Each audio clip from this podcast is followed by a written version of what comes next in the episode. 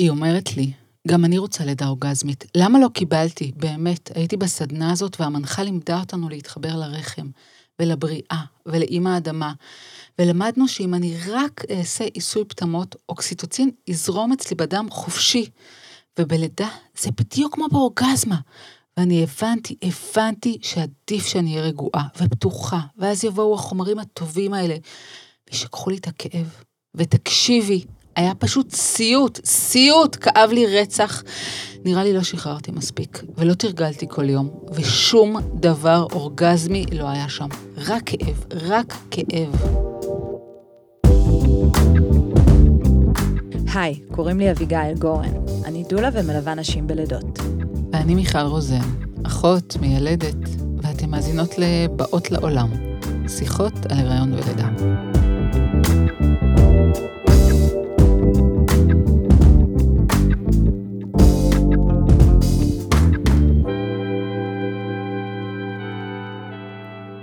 נמצאת איתנו היום פיזיותרפיסטית עדי דוידוביץ', מי שנקראת גם המשחררת מכאב. אז אה, רגע, אני משתפת אתכן. לפני הרבה זמן, מורה מופלאה שלי ואהובה לפילאטיס, הזמינה אותי להרצאה שארגנה אה, בנושא כאב. אמרה לי, את חייבת להגיע, מאוד מאוד רציתי להגיע, והוקפצתי ללידה ופספסתי את ההרצאה. ולפני שבועיים אני יוצאת לריצה ואני שומעת פודקאסט עם אישה בשם עדי דוידוביץ' שמדברת על כאב, ואני מתעלפת, מיכל. מתעלפת. אני לא האמנתי למה ששמעתי שם. אני משתפת את מיכל, אומרת לה, את חייבת לשמוע את הפרק הזה. וזהו, השאר היסטוריה, כי תוך שעה כבר מיכל דיברה איתך, והחליפו טיוטות, והנה את פה באולפן, ואני מאוד מאוד שמחה. תודה רבה. אמ, את אה, ככה לוחשת לכאב, וכאב אה, הוא חלק מתהליך הלידה. אמ, אז זה סוג של חיבור מתבקש, ואנחנו שמחות מאוד שאת פה איתנו. תודה רבה. אז עדי. כן. איך זה בעצם קורה? את קמה בוקר אחד ואומרת, hmm, יש לי נושא מלבב, אני הולכת להקדיש לו את חיי. כאב. את יכולה להסביר לי ככה מה הוביל אותך לבחירה להתעסק בדבר הזה? אז זה נורא פשוט. נורא פשוט. אני פשוט שונאת לא להצליח. אם מביאים לי אתגרים, אני נכנסת בהם ב-180 קמ"ש עם הראש. אז uh, אני מהחננות האלה שלמדו באוניברסיטה, קיבלו ציונים גבוהים, וכל המבחנים הייתי יושבת שעות, והצלחתי בהכל, והכל היה סבבה, ואז יצאתי לדרך, כאילו סיימתי את התואר הראשון, ואמרתי, זהו, אני הולכת להציל את כולם. ועזרתי לאנשים, כן? מדי פעם היו אנשים שעזרתי להם כאלה עם אה, נקע או שבר או דברים כאלה, ואנשים עם הכאבים הכרוניים, לא הצלחתי לעזור להם. וזה עצבן אותי, זה פשוט עצבן אותי שאני לא מצליחה. אז אה, טסתי לאוסטרליה לעשות תואר שני, ושם ישבתי בקורס שלם רק על כאב. זאת אומרת, הבנתי שמה שאני צריכה להבין זה כאב, אני לא צריכה להבין איך להזיז מפרקים ואיך שרירים עובדים, אני צריכה להבין מה זה אומר כאב. ואז בעצם מאז שחזרתי מ-2006 ועד היום, שזה כבר 14 שנה, אני מקדישה את חיי לתחום הזה, וזה סופר מעניין. ואני יודעת שזה סופר מעניין, כי אתן יושבות כאן ומדברות איתי, כי באמת אין יותר מעניין מהמוח. אבל רגע, אנחנו פה בפודקאסט שמדבר על לידה. אז שנייה לפני שאנחנו צוללות פנימה, אני רוצה לשאול אותך, איך היו חוויות הלידה שלך? ואם הידע שיש לך היום עזר לך שם? או שזה היה הפוך, קודם פגשת כאב, ואז החלטת שזה הכי מעניין, ואת הולכת להקדיש לזה את החיים שלך? אז, אז לא, הזוועה, הזוועה שלי, הלידה שלי הייתה זוועה. ו, אמ, ולא היה בה שום דבר אה, חיובי. היה, הייתי, יצאתי ממנה שבורה גם פיזית וגם נפשית, וכאילו כל מה שידעתי לפני כן, זה היה לפני 11 שנה, זאת אומרת שלוש שנים אחרי שהתחלתי את התהליך הזה. אז היום אני כמובן יודעת הרבה יותר, אבל... אבל לא, לא יצאתי ממנה טובה, ואני לא יכולה להגיד שבזכות הידע הזה לפני 11 שנה היה לי חוויה יותר טובה. כי לא. ואז מה קרה? Um, מה קרה? אז התחלתי איזשהו תהליך שסיימתי את הלידה. Uh, יצאתי גם שבורה נפשית וגם שבורה פיזית, ובתור פיזיותרפיסטית התחלתי עם הפיזי. התחלתי ב- לנסות לברר איך אני, איך אני מצליחה לעמוד במטבח בלי שכואב לי, איך אני מצליחה ללכת עם הילדה על הידיים בלי שאני סובלת. והגעתי לפיזיותרפיסטית לרצפת הגן, שעזרה לי, ואז אמרתי, היי, יש פיזיותרפיסטיות לרצפת הגן, הלכתי כמובן ללמוד את זה, ועכשיו אני מחזיקה בעצם בשני הכובעים, שזה לא באמת שני כובעים, כי אני עובדת גם עם נשים שסובלות מכאבים סביב האגן. אם זה כאבים בהיריון, ואם זה כאבים אחרי לידה, ואם זה כאבים בקיום יחסי מין. אז, אז אני, אני כאילו אוחזת את, את שתי הקצוות, אבל אני גם מטפלת בכל מי שסובל מכאבים, נשים וגברים. אז uh, אני משתפת אותך, כי הרי אני דולה, ואני פוגשת uh, נשים בהכנה או במפגשים uh, ככה לקראת הלידה. ומאחר ואת המאסטרית מבחינתי לנושא הכאב, אז אני רוצה לברר אם יש איזושהי נוסחה, ואני אסביר למה אני מתכוונת. יש אה, אישה שמגיעה ואומרת לי, תשמעי, אני רקדנית בלט לשעבר, כמות הפציעות והסבל שהיה בדרך, אה, הכינו אותי מבחינתי ללידה, אני בטוחה שאני אוכל לסבול את הכאב שם. יש לי סף כאב גבוה, אני לא מודאגת מהכאב הזה. אה, ולעומת זאת, אני גם פוגשת נשים שאומרות לי, תקשיבי, אני עובר לידי זבוב, אני מתה מכאבים, אני לוקחת אקמול, אני אקח אפידורל שבוע לפני, אין לי סף כאב. אני לא אוכל uh, לעמוד בכאב הזה של הצעירים. את חושבת שבאמת יש איזושהי נוסחה שאנחנו יכולות לאמץ ולהגיד מי תסבול יותר או פחות מכאב בלידה? אז אני בטוחה ש... כאילו, מה זה אני בטוחה? יש סטטיסטיקות שמדברות על מי תסבול יותר ומי תסבול פחות. אבל זו שאלה מאוד מסוכנת. למה? כי זו שאלה שהיא נבואה שמגשימה את עצמה. אנחנו לא יכולים לדעת, ברגע שתיכנס אישה לחדר, לחדר לידה, היא לא נכנסת לבד, היא נכנסת עם כל החוויה שהייתה לה לפני כן, ו- ואי אפשר לדעת מה יש שם. נשים שאמרו שהם לא יכלו לעמוד בזה, אולי אפילו ייהנו מהלידה, ונשים שהיו בטוחות שיש להם כוח, סבל, ושהם תצלחנה, הם יבקשו אפידורל אחרי עשר דקות. צריך לבוא עם ראש פתוח, ואי אפשר לתייג אנשים לפני כן, כי לפעמים כשאנחנו מתייגים, אנחנו גם מכניסים אותם לאיזשהו מסלול צר שהוא לא מתאים להם. כל אחד יחווה לידה אחרת ו- וכל אחד יחווה כאב אחר. אבל רגע, רגע, זה השלב שבו אנחנו רגע מדברות קצת מדע. ואני קראתי את ההסבר שלך, ואני מצטטת, כאב הוא חוויה רגשית ולא נעימה, שבאה כתוצאה מנזק או הפוטנציאל לנזק. אז אני רוצה להבין ממך, מה זה, מה זה כאב? ותני לי רגע פיזיולוגיה, כאילו תני לי את חבילת הבסיס של מה זה כאב, בית ספר לרפואה שנה א', הסבר פיזיולוגי, עצבים, כלי דם, מה עושה חוויה לכאב? אני יכולה, אני יכולה להסביר את זה קצת מכיוון אחר? כן. אוקיי? Okay? כי הרבה אנשים חושבים שנפלתי, קיבלתי מכה ולכן כואב לי, אז אני הולכת על משהו שהוא עוד יותר, קצת יותר רחוק, בואו נדבר על ראייה. אוקיי?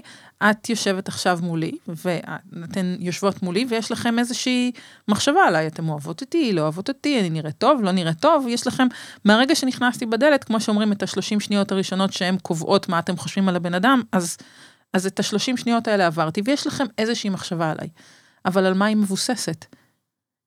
היא לא מבוססת עליי, אתן לא מכירות אותי מספיק, הם מבוס, הם, החוויה הזאת, מה שאתן חוות, ש, שהיא נקראת עדי דוידוביץ', מבוססת על כל האנשים שפגשתם עד לרגע זה, שהיו דומים לי, שלבשו אה, בגדים כמוני, שהקול שלהם נשמע כמו הקול שלי, שהעריכו כמוני, שסידרו את השיער כמוני, זאת אומרת שהחוויה שהיא עדי דוידוביץ' בשבילכם, היא חוויה אישית שלכם, היא לא קשורה אליי בכלל.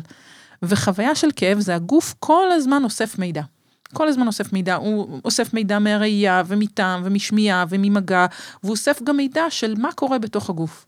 כשהוא יאסוף מידע ויגיע למסקנה שהמידע הזה הוא מסוכן לנו, שעלול להיות לנו משהו, או שיש לנו משהו באמת, הוא יגיד לנו כאב. אז כאב זה לא תמיד בגלל שמשהו קרה. מספיק שהגוף יחשוש שמשהו יקרה. זה, אתם, אתם מכירות את זה? זה אה, נחווה ברותחין. אה, נשמר בפושרין, זה זה. המוח יודע מתי... אז כאב זה תמרור? אמ, כאב זה תמרור, אבל לא תמיד הוא תמרור אזהרה. Mm. אני, זה מאוד מעניין שהשתמשת במילה הזו.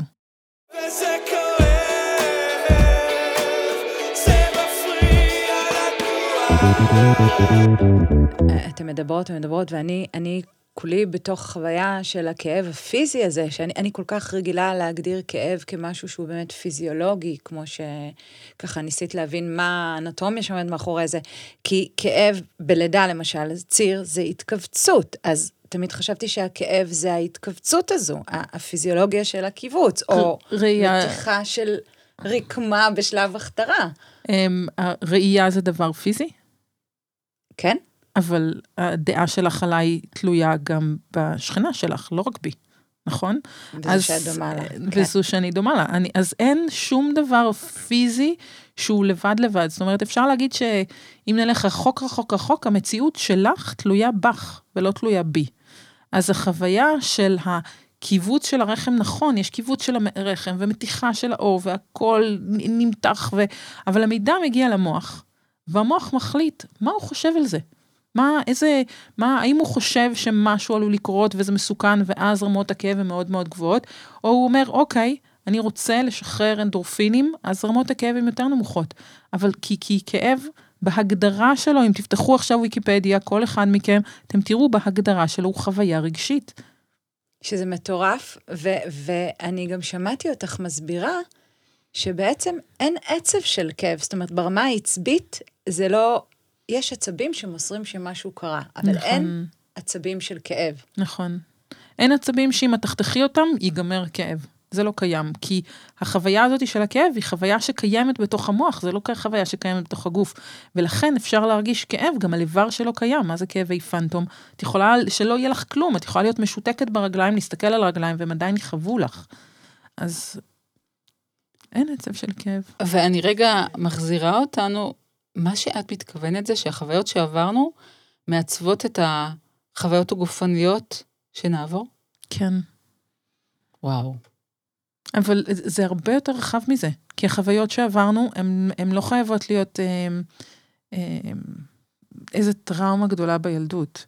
הרי אם אני אבקש ממך למשל, אני, אני רוצה עכשיו שתיסעי לצפון תל אביב, בסדר? ותפגשי מישהו. אם את תיתקלי בפקקים ואנשים שיחתכו אותך, המפגש עם הבן אדם שאת הולכת להיפגש, את תהיי בן אדם אחר לגמרי, מאשר אם הכביש יהיה חלק. אז החוויות שלנו הן... הם כל דבר שקורה מסביבנו, פשוט כל דבר. אז אישה שמגיעה ללידה, עצבנית, כי היא לא הספיקה לסדר את התיק, כי, לא היה, כי היה פקקים בדרך ולא היה מקום חנייה, היא מגיעה לתוך הלידה, בן אדם שונה לגמרי ממה שהייתה יום אחד לפני כן, שישבה עם הדולה שלה, והדולה שלה נשמה איתה, והכל היה בסדר, ו- ו- והם חשבו והם תכננו והם עשו דמיון מודרך, ואז היא, היא פשוט נכנסה לתוך החדר לידה, פשוט בן אדם אחר. ואני רגע מחזירה אותך לפיזי. Mm-hmm. כי את פיזיותרפיסטית, נכון. ואת עובדת עם הגוף. אה, איך לדעתך כדאי להכין גוף ללידה? את דוגלת בהכנה פיזית להתמודדות עם המאמץ הכביר הזה, או שמבחינתך, כמו שאת אומרת, יש פה הרבה עניין של הכנה מנטלית, בשינוי הנרטיב שלנו כלפי הלידה. אז אני אגיד כמובן, גם וגם. כי הרי אם אני רוצה להיכנס ללידה אה, טבעית, ואני החלטתי שאני רוצה לעשות לידה בקריה, אני הולכת לכרוע זמן די ארוך, ואם אין לי מספיק כוח בגוף כדי לעשות את זה, אני יכולה להגיד, אבל זה לא יקרה. אני יכולה ממש ממש ממש לרצות וזה לא יקרה. אז צריך להכין את הגוף, כי הגוף צריך כוח בשביל הלידה. אבל מצד שני, צריך גם לדעת שאולי נחווה כאב, ולהיות מוכנים לזה, שלא, אי אפשר להגיד לא לפחד, כי אי אפשר לא לפחד, אבל לא לתת לפחד באיזשהו מקום לאחוז בנו. כי ברגע שהפחד אוחז בנו, אנחנו מתחילות להגיב, אוקיי? אם אני מפחדת לצאת מהבית, מה אני אעשה? אני, אני גם, כל השריר שלי, השרירים שלי יתכווצו, אני אלך לקנות לי גז מטביע, אני, אני אחשוב באיזה שעות אני יוצאת מהבית, ומצד שני אני יכולה להגיד, אוקיי, אני מפחדת לצאת מהבית, זה משהו שאני אלך איתו, אני אצא, אני אפתח את הדלת ואני אצא החוצה, ואני ארגיש את הפחד הזה, אבל הוא לא ינהל אותי. אז עולים פה שלושה מושגים כבר. אז יש כאב, ויש סבל, ויש פחד. נכון, נכון. ובעצם מה שאת אומרת זה שאת לאט לאט מנסה ללמד נשים להפריד. בדיוק. להתבונן, כי הרי הסבל מגיע כשה, כשהכאב הופך להיות פחד שמנהל אותנו. אנחנו יכולים להסתובב בעולם עם כאב. אוקיי, אפשר להיכנס לחוויית לידה ולהרגיש כאב, הסבל מגיע כאשר המוח שלי מתחיל להתעסק ב...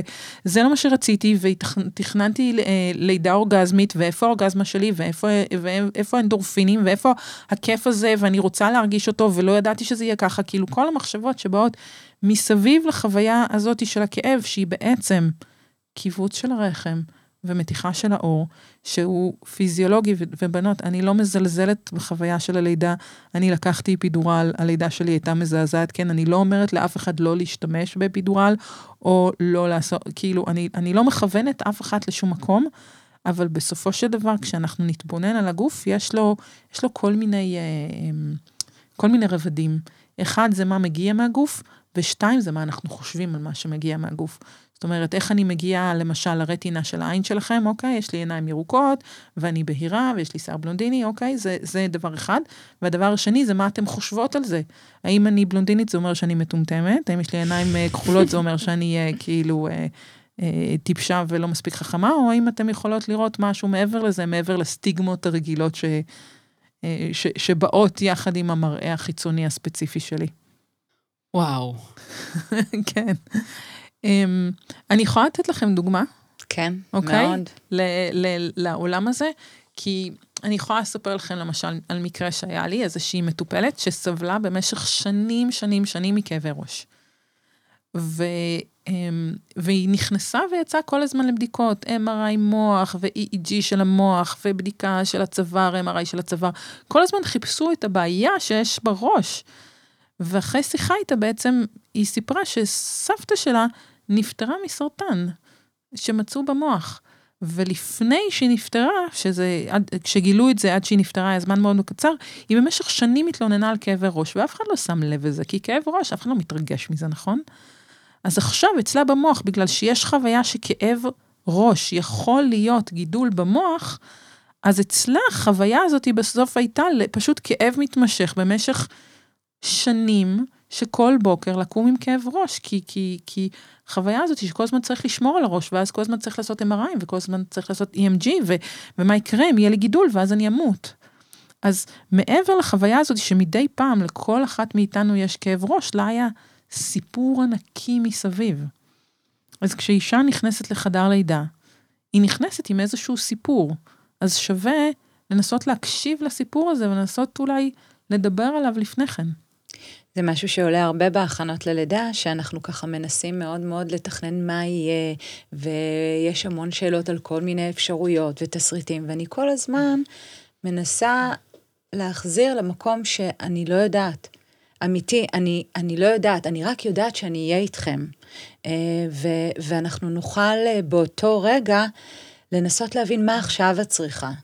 כי יכול להיות שהיא באמת uh, תיכנס לשלב של צירים מאוד מאוד ארוך, והיא פתאום תגיע יותר יפה ממה שהיא חשבה, ואז אולי היא תחווה את זה ככואב יותר, אנחנו לא יודעים. נכון. וזה איזושהי הבנה מאוד מאוד חשובה, um, שיש דברים שאנחנו ככה רוצים מאוד לשלוט ולדעת איך להגיב, אבל כאב הוא מסוג הדברים שאם נגיע עם איזושהי פתיחות גדולה, שזה יהיה שם, אבל נקשיב לזה ונראה מה יוכל לעזור לנו תוך כדי, אז אולי זה יהיה יותר מרגיע ופחות מאיים. אם אנחנו נכיר את הנרטיב או את עולם המושגים של האישה כלפי לידה, אפשר mm-hmm. יהיה בהכנה ללידה להשפיע על חוויית הכאב שלה. Mm-hmm. לעזור לה לפחד פחות. הכאב הזה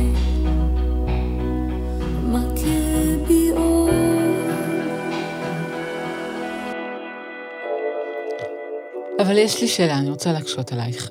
מה דעתך על נשים שבאות מראש עם רקע של התמודדות עם כאבים? למשל, נשים שסובלות מאנדומטריוזיס. ונגיד רגע שאנדומטריוזיס היא מחלה דלקתית, שעשרה אחוזים מהנשים והנערות יסבלו ממנה, והיא גורמת להרבה כאב. ואלו נשים שחיות עם הכאב. את חושבת שיותר קל להם להתמודד עם כאב אקוטי כמו צירים? אי אפשר לדעת. פשוט אי אפשר לדעת, כי כל אישה זה משהו אחר, ובכל רגע אנחנו משהו אחר, ולקחת את ה... ו- ולהבטיח שמשהו א' או משהו ב' יקרה, זה, זה, זה בלתי אפשרי. ולמה אני לא אוהבת גם להגיד?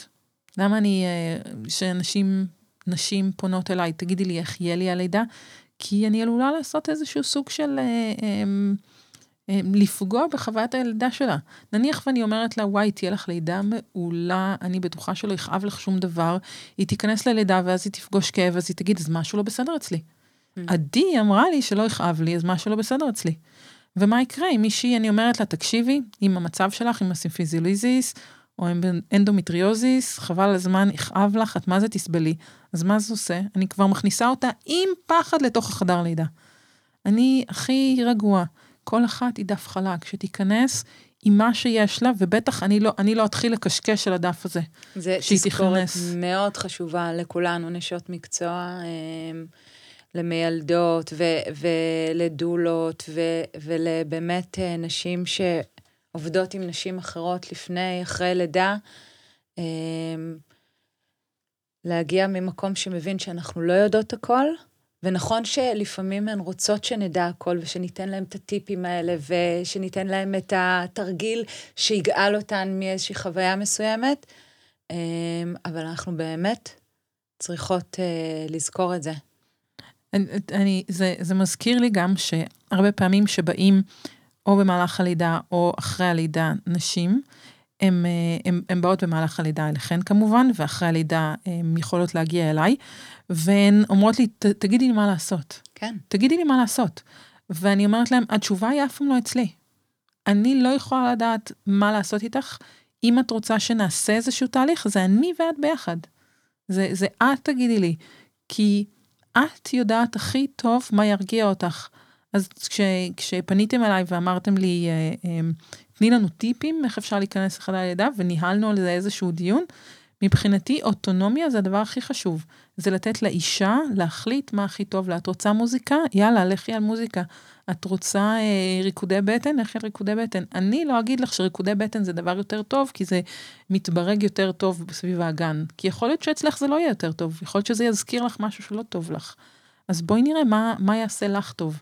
ואחרי הלידה, את באה אליי עם כאבים, אוקיי, בואי תגידי לי מה, מה, מה עושה לך טוב, מה מפריע לך ומה לא מפריע לך, ו, ויכול להיות שבתוך, שבתוך הסיטואציה הזאת של אחרי הלידה, כשאת סובלת מכאבים, אם זה כאבים בישיבה בגלל, ה, אה, בגלל החתך, אם זה כאבים בגב בגלל הנסיעה של הילד, ולפעמים אני אומרת לנשים, אוקיי, זה בסדר גם לבחור בכאב. מה זאת אומרת? מה זה אומר?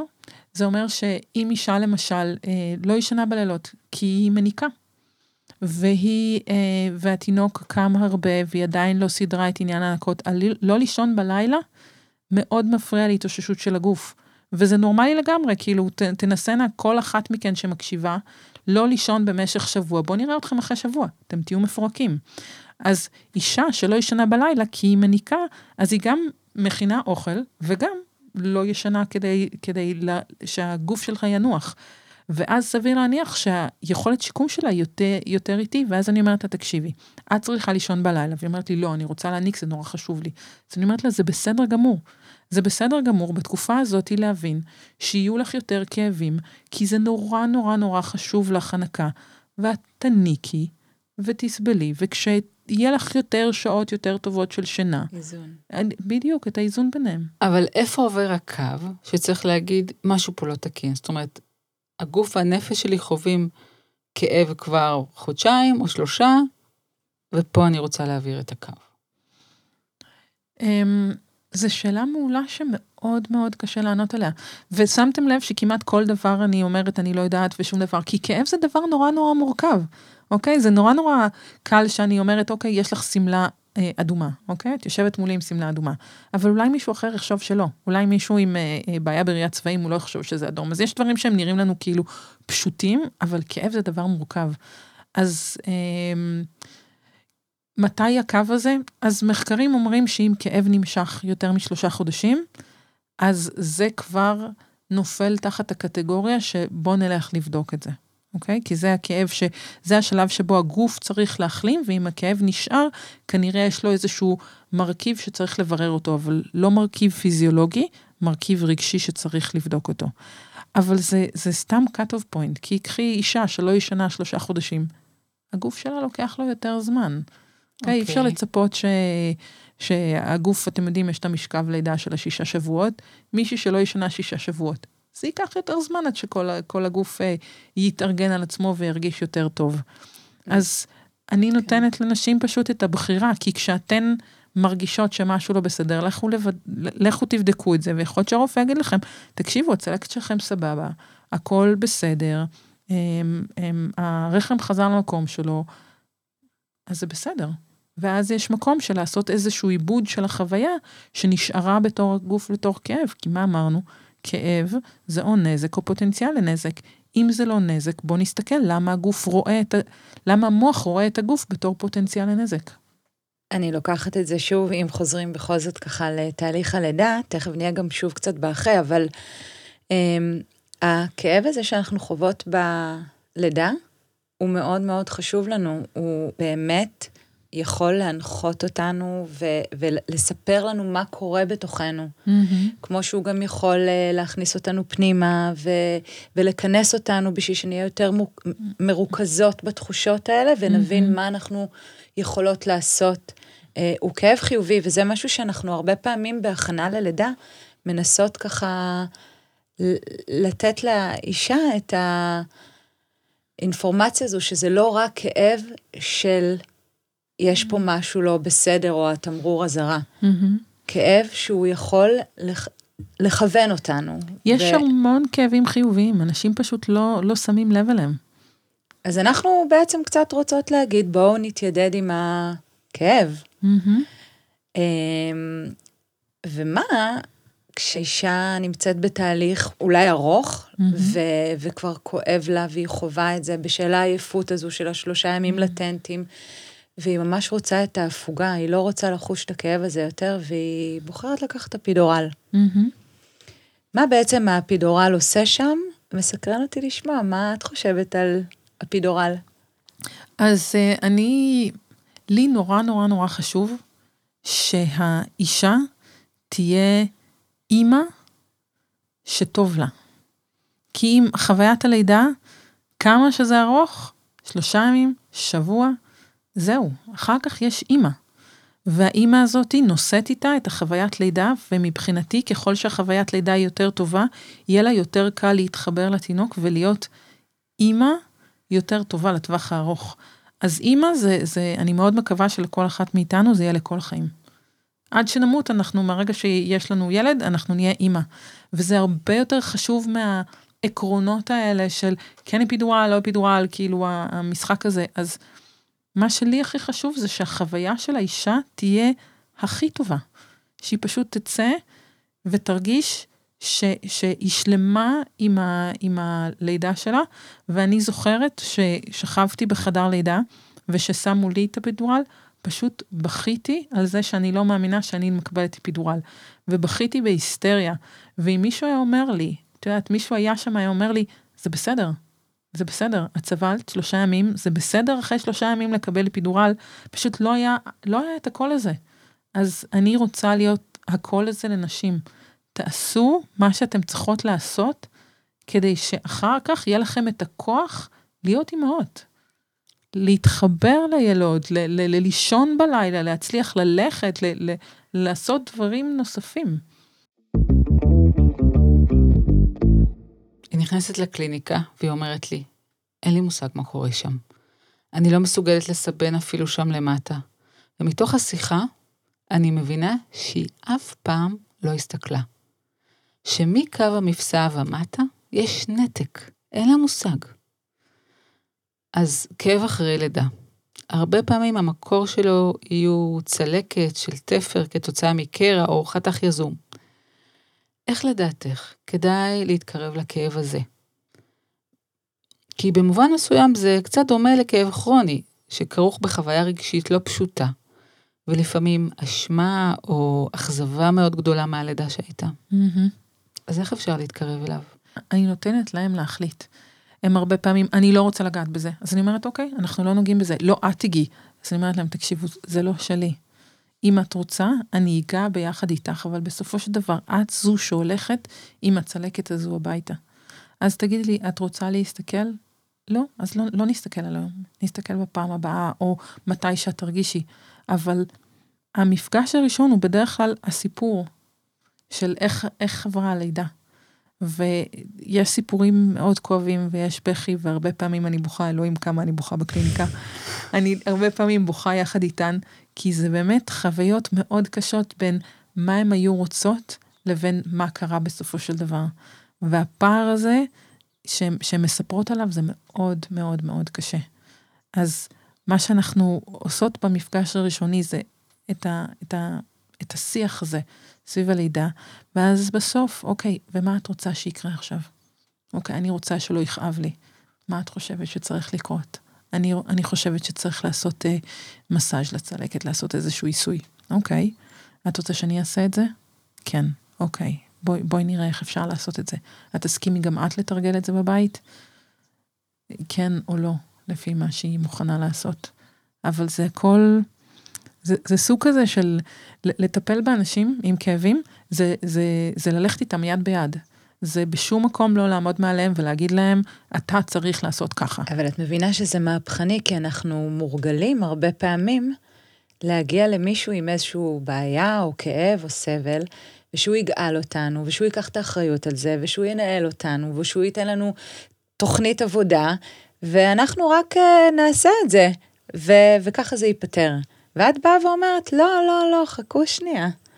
יש פה עבודה משותפת עם הרבה יותר עבודה של מי שחווה את הכאב הזה, וזה מהפכני. אז מה שמגניב במקצוע שלי, זה שאם זה היה עובד, השיטה הזאת, אז לא היו מגיעים אליי.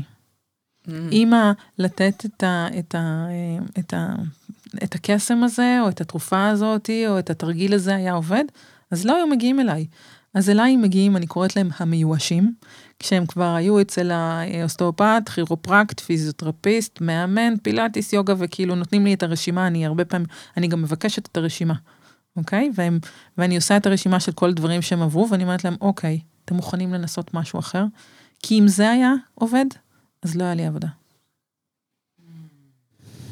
איך את עושה איזשהו שיח של, של אחר עם אוטונומיה, עם, עם מישהי בלידה? איך את עושה את זה כשאת פוגשת את זה? אז uh, האמת שהיה לנו דווקא פרק שאנחנו מדברות על ה... איך אפשר להסתכל או לחיות עם התחושות האלה שלפעמים נחוות ככאב בלידה. Mm-hmm. ואני אוהבת דווקא לתת את הדגש על הרגע הלא כואב. זאת אומרת, או, או על הרגע הלא מתכווץ. הרי ציר הוא קיבוץ, ואז אחרי זה יש מין הרפייה, יש הפוגה. Mm-hmm. האישה יכולה פתאום להרגיש ממש תחושה של לא כואב לי. לספר לה שבגוף, ברוב המקרים המערכת ההורמונלית תפריש יותר אנדרופינים כשיהיה יותר כאב. לתת לה הבנה שכשהיא תרגיש את התחושה הזו של כמו עייפות, או אולי סאטלה כזו, זה בא בשביל לחזק את המקום שכשלא כואב, את יכולה באמת לנוח. ואז אני חושבת שמה שקורה זה כשיגיע הציר והשוב כאב, הוא פוגש אותה יותר רפויה ויותר mm-hmm. מתמסרת, פחות מתנגדת, ואז mm-hmm. אולי זה מה שגורם לה לחוות את הציר כפחות כואב. את יודעת לא מה יודעת. זה מזכיר לי? זה מזכיר לי רצים. יש שני סוגים של רצים.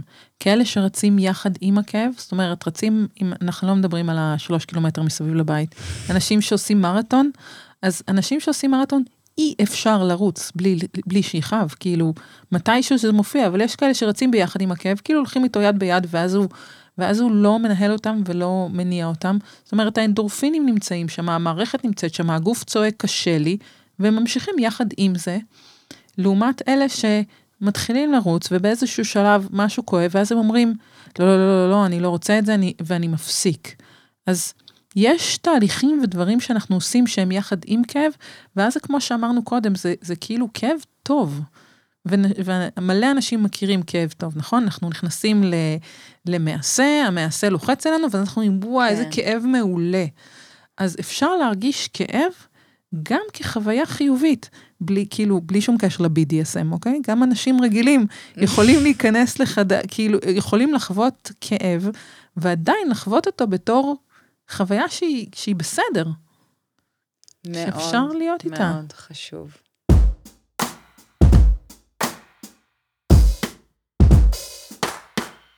טוב, לסיכום, שלושה מיתוסים על כאב ש... בלידה שתרצי שננפץ. אה, אוקיי. אז נתחיל מזה שכאב הוא בלתי נמנע. לא רק בלידה, בכלל בחיים שלנו. אנשים יכולים להסתובב ולהגיד, אני לא רוצה שיכאב לי. ככל שאתם לא רוצים שיכאב לכם, יכאב לכם יותר. כי אתם מתעסקים בזה, נכון? אני לא רוצה פיל ורוד. אי אפשר. ברגע שאמרת פיל ורוד, הוא נמצא בחדר. אז אי אפשר בלי זה. עכשיו, אמ, אני... יכאב לך כמו שאתה חושב שיכאב לך. זאת אומרת, אם אתה אה, אה, מדמיין לעצמך משהו מאוד מאוד מאוד קשה, סביר להניח שאתה יוצר לעצמך מציאות במחשבה. אז לשבת ולקבוע לעצמך מה... למה אמרתי בזכר? לשבת ולקבוע לעצמך איך תראה הלידה, זה קצת לשים מקל בגלגלים. צריך להגיע עם, עם כל האופציות, עם זה שאני יכולה את זה ואני יכולה לעשות את זה. אז, אז לא, אה, לא להיכנס ללידה מתוך מחשבה, יכאב לי ככה או יכאב לי ככה, עם וזה יהיה. עם הקביעה הברורה כן. הזאת של איך הולכת לראות הלידה שלי. אם, אם אפשר, אפשר אמ, מיתוס שלא קשור לכאב, מותר כן, לי? כן, מותר. מרשות לי? לך מותר. יש. אז אמ, מלא מלא שאלות בכל מיני אה, פורומים שאני שייכת אליהם כפיזיותרפיסט לרצפת הגן, זה איך אפשר לזרז לי לידה. אי אפשר לזרז לידה. לידה תגיע כשהיא רוצה להגיע. כשהתינוק רוצה לצאת החוצה, הוא יצא החוצה. אז לצאת לריצה ועיסוי פטמות וכאלה, זה נחמד, אבל בסופו של דבר, כאילו, אני חושבת לפעמים על נשים שצריך לזרז להם את הלידה, כי משהו לא בסדר בעובר, כי יש בעיות בשלייה, כי משהו לא בסדר, כמה צריך לעבוד כן, ש- כדי שהן תצלחנה ללדת. נותנים להם פיטוצין, ואז מגרדים, ואז זה פה ושם, ועושים מלא מניפולציות, והתינוק לא רוצה לצאת. אז כשהתינוק רוצה לצאת, הוא יצא. תשחררו, כאילו שחררו, תנו לגוף לעבוד, תנו לגוף לעשות את שלו. הוא ממש ממש ממש חכם. זרמו, כאילו. תנו לזה. טוב, תודה רבה. תודה רבה שבכלל הבאתם את זה, אוקיי? כי זה, כי, כי לדבר על כאב זה כזה, או מצד אחד אה, ברור מאליו לא להתייחס לזה, או מהצד השני מפחדים מזה, אז לא לדבר על זה. אז תודה רבה ששמתם את זה על השולחן, כי זה נורא נורא נורא חשוב להבין שכאב זה סוג של ידיד, ולפעמים אנחנו צריכים להקשיב לו, ולפעמים לא, אבל הוא יהיה שם בכל מקרה. תודה רבה, תודה. עדי. תודה. שהזמנתם אותי. ממש לא כאב לנו, דרך אגב. אפילו נהנינו.